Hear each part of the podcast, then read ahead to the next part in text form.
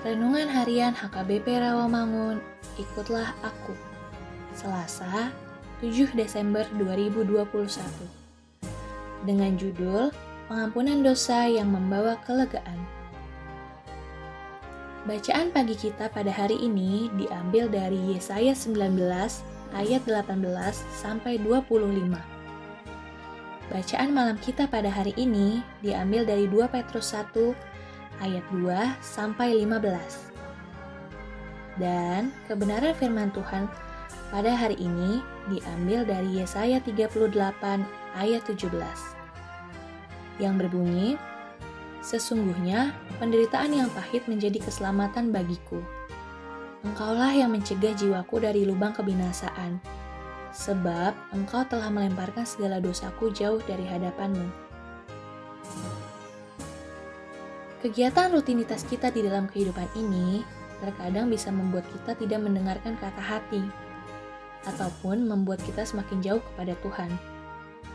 Setiap hari kita mendapat berkat, baik kecil ataupun besar, namun kita sering lupa kepada pemberinya.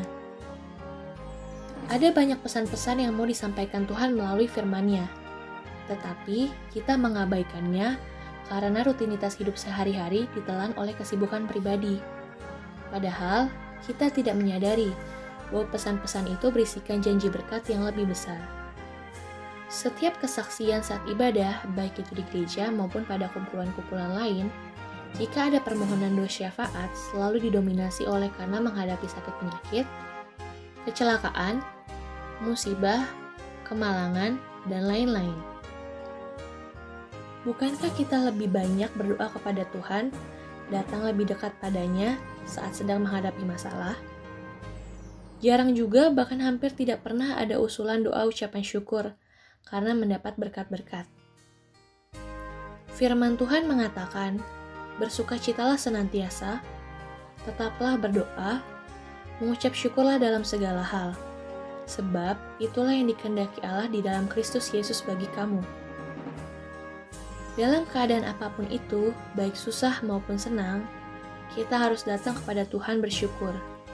Dan itulah yang dia kehendaki. Dan di saat bersikap seperti itulah, jiwa kita mendapat ketenangan dan kesejukan. Marilah kita berdoa.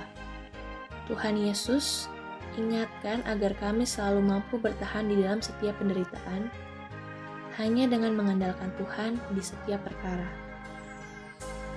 Amin.